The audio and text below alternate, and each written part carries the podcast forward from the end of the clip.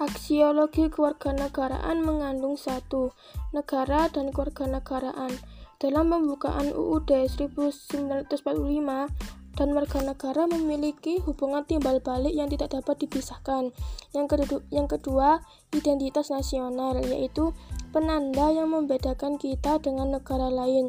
Yang ketiga, ketahanan nasional, yaitu konsep memberi keamanan. Yang keempat, partisipasi politik, yaitu kegiatan seseorang atau kelompok dalam kebijakan pemerintah. Yang kelima, hak asasi manusia, yaitu hak melekat pada diri seseorang. Di sini saya akan menjelaskan tentang identitas nasional adalah jati diri nasional yang dimiliki suatu bangsa yang membedakan bangsa satu dengan bangsa yang lain. Sedangkan identitas nasional dalam konteks negara tercermin dalam simbol-simbol kenegaraan seperti Pancasila, bendera merah putih, bahasa Indonesia, semboyan Bhinneka Tunggal Ika. Bhinneka Tunggal Ika sendiri berarti kan berbeda-beda tetapi tetap satu jiwa.